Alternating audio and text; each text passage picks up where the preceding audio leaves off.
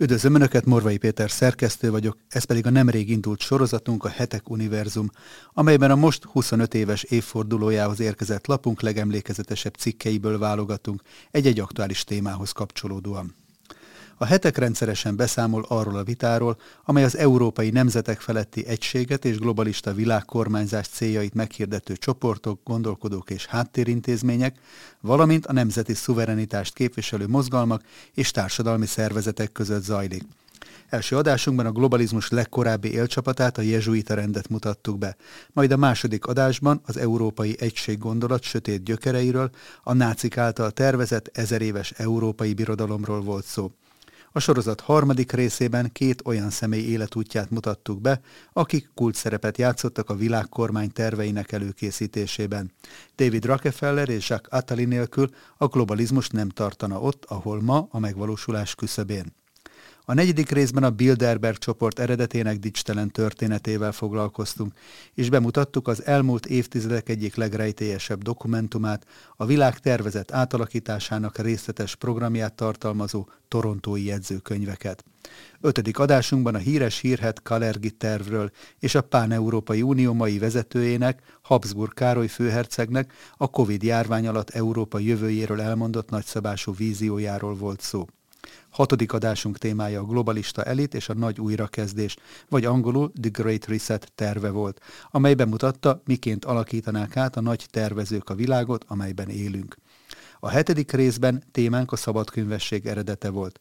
A nyolcadik adásunkban pedig bemutattuk az Egyesült Államokban több mint négy évtizede emelt és tavaly lerombolt talányos emlékmű, a Georgia Guidestones történetét és a máig ismeretlen megrendelőivel kapcsolatos elméleteket az építmény kialakítása, a rajta szereplő alapelvek és a felhasznált nyelvek arra utaltak, hogy azt a 19. században indult, és mára talán a világ legbefolyásosabb eszmerendszerévé vált New Age alapvető üzenete összefoglalójának szánták, egyfajta jelzőkőként a jövő korok számára.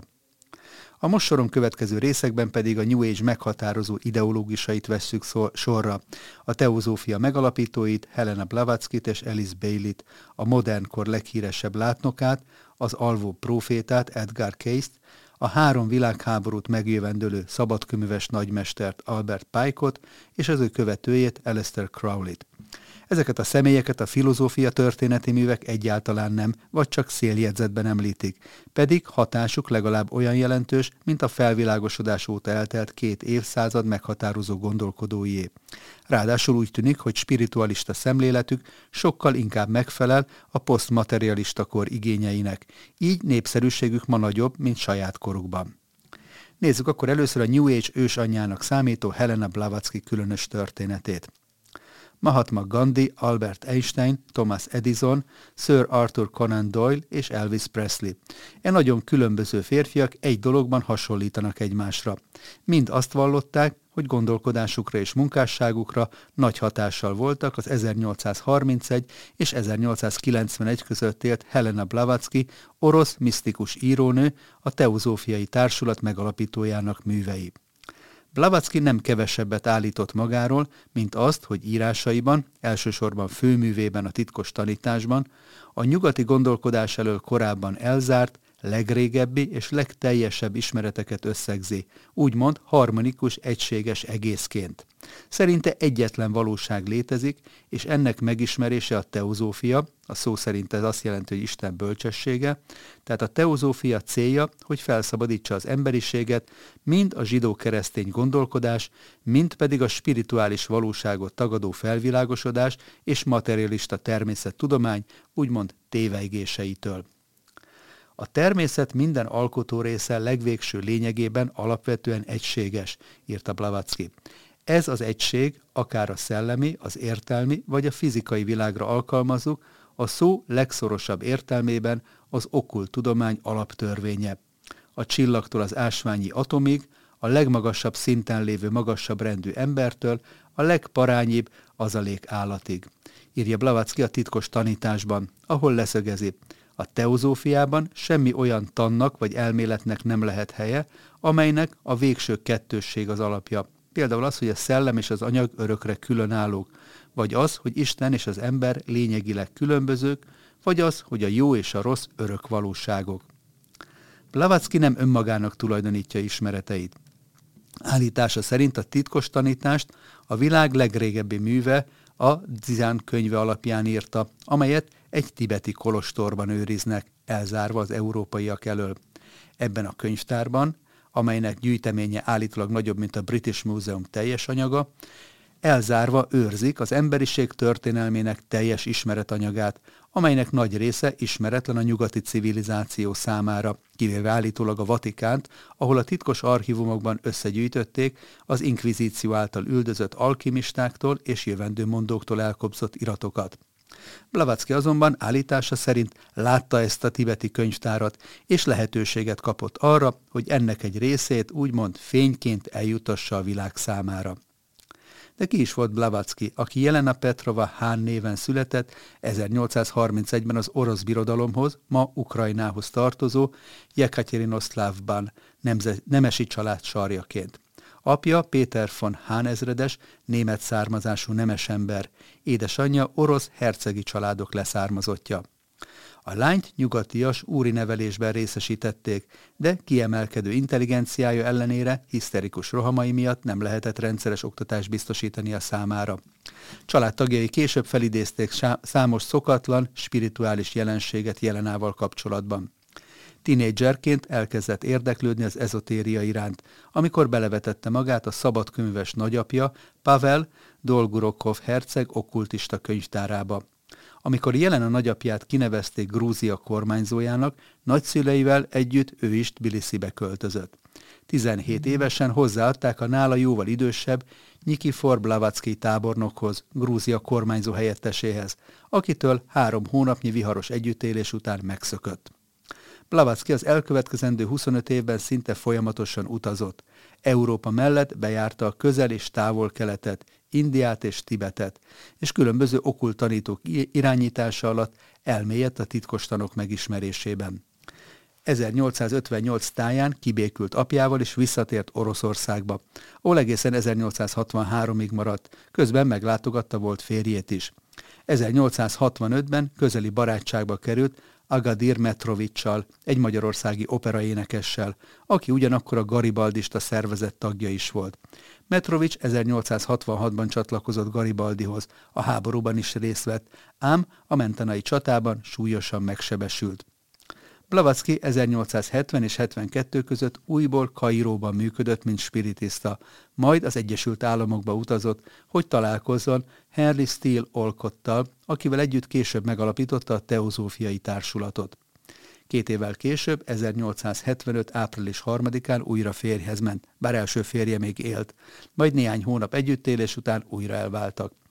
A kérész életű házasságai miatt többen úgy tartják, hogy Helena Blavatsky egész életében valójában leszbikus volt. 1885-ben Londonba költözött, és ettől kezdve folyamatosan írt az újságokba. Ekkora már egészségi állapota megrendült és betegesen elhízott. Influenza következtében halt meg 1891. május 8-án Londonban. Blavatsky szerint olyan titkos tudás birtokában volt, amelyet csak néhányan ismerhettek.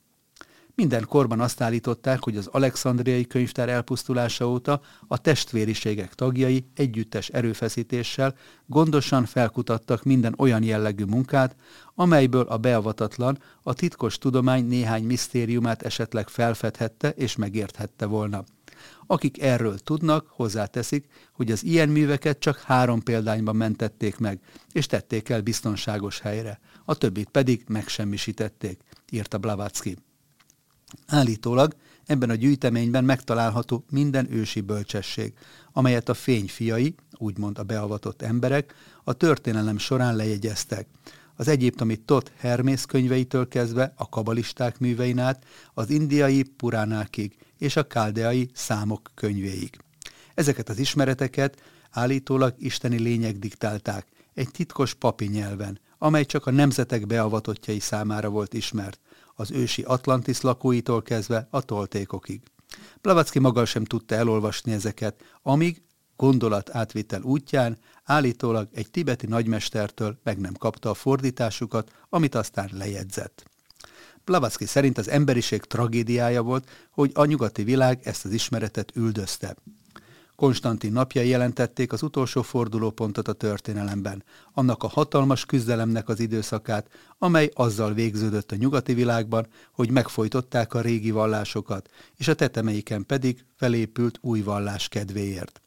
Attól fogva minden tisztességes és tisztességtelen eszközzel, erőszakosan és könyörtelenül elzárták az utókor kíváncsi tekintette elől a kilátást, hogy az ne tudjon a távoli múltba, az özönvízen és az édenkerten túltekinteni.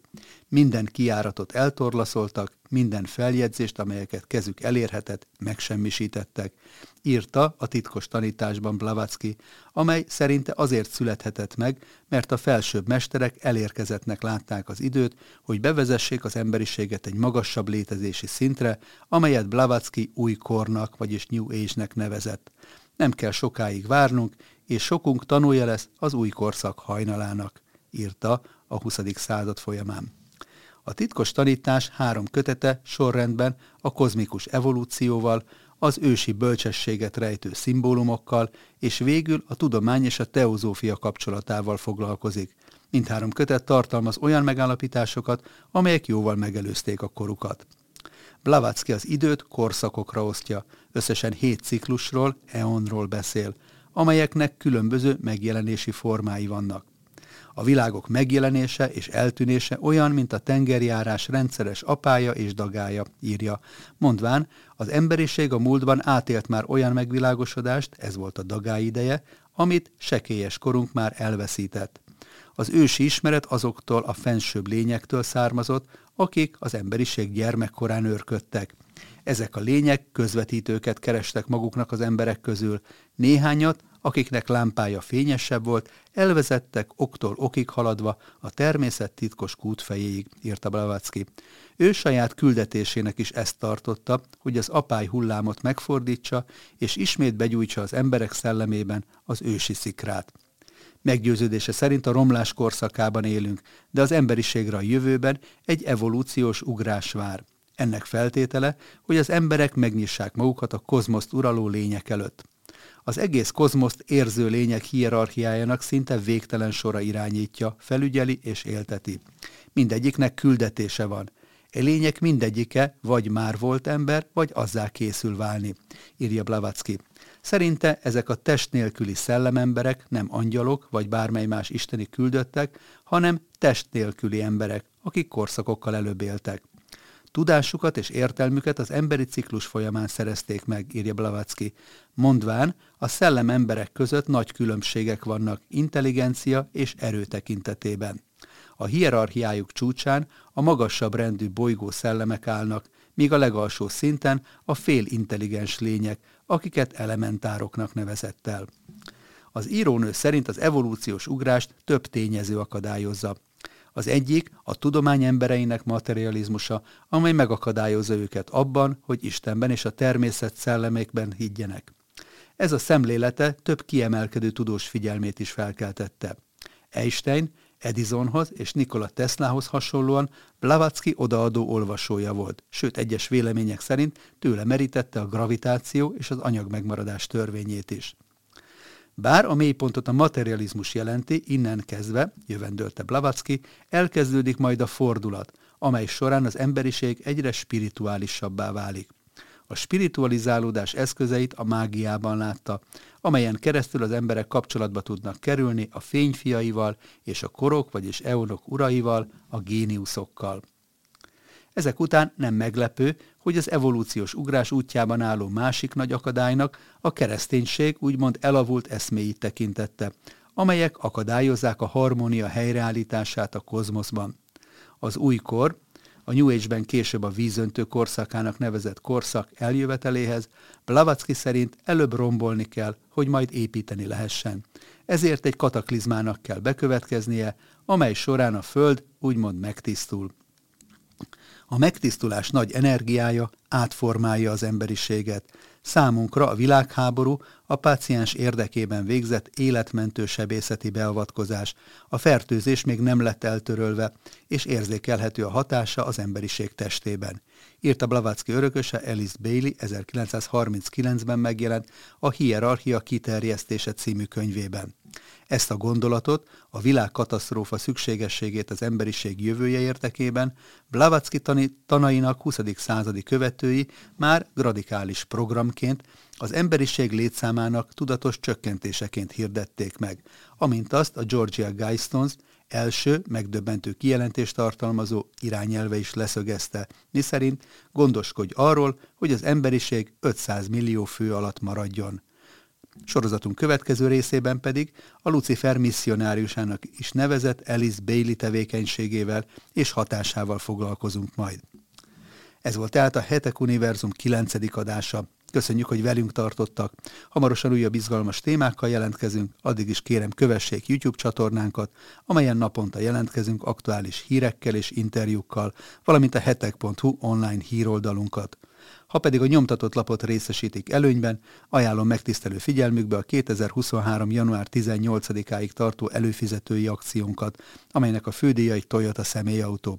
Akik pedig szeretnék támogatni további podcastjaink elkészítését, a videó alatti sávban található köszönet gombon tudják ezt megtenni tetszés szerinti összeggel.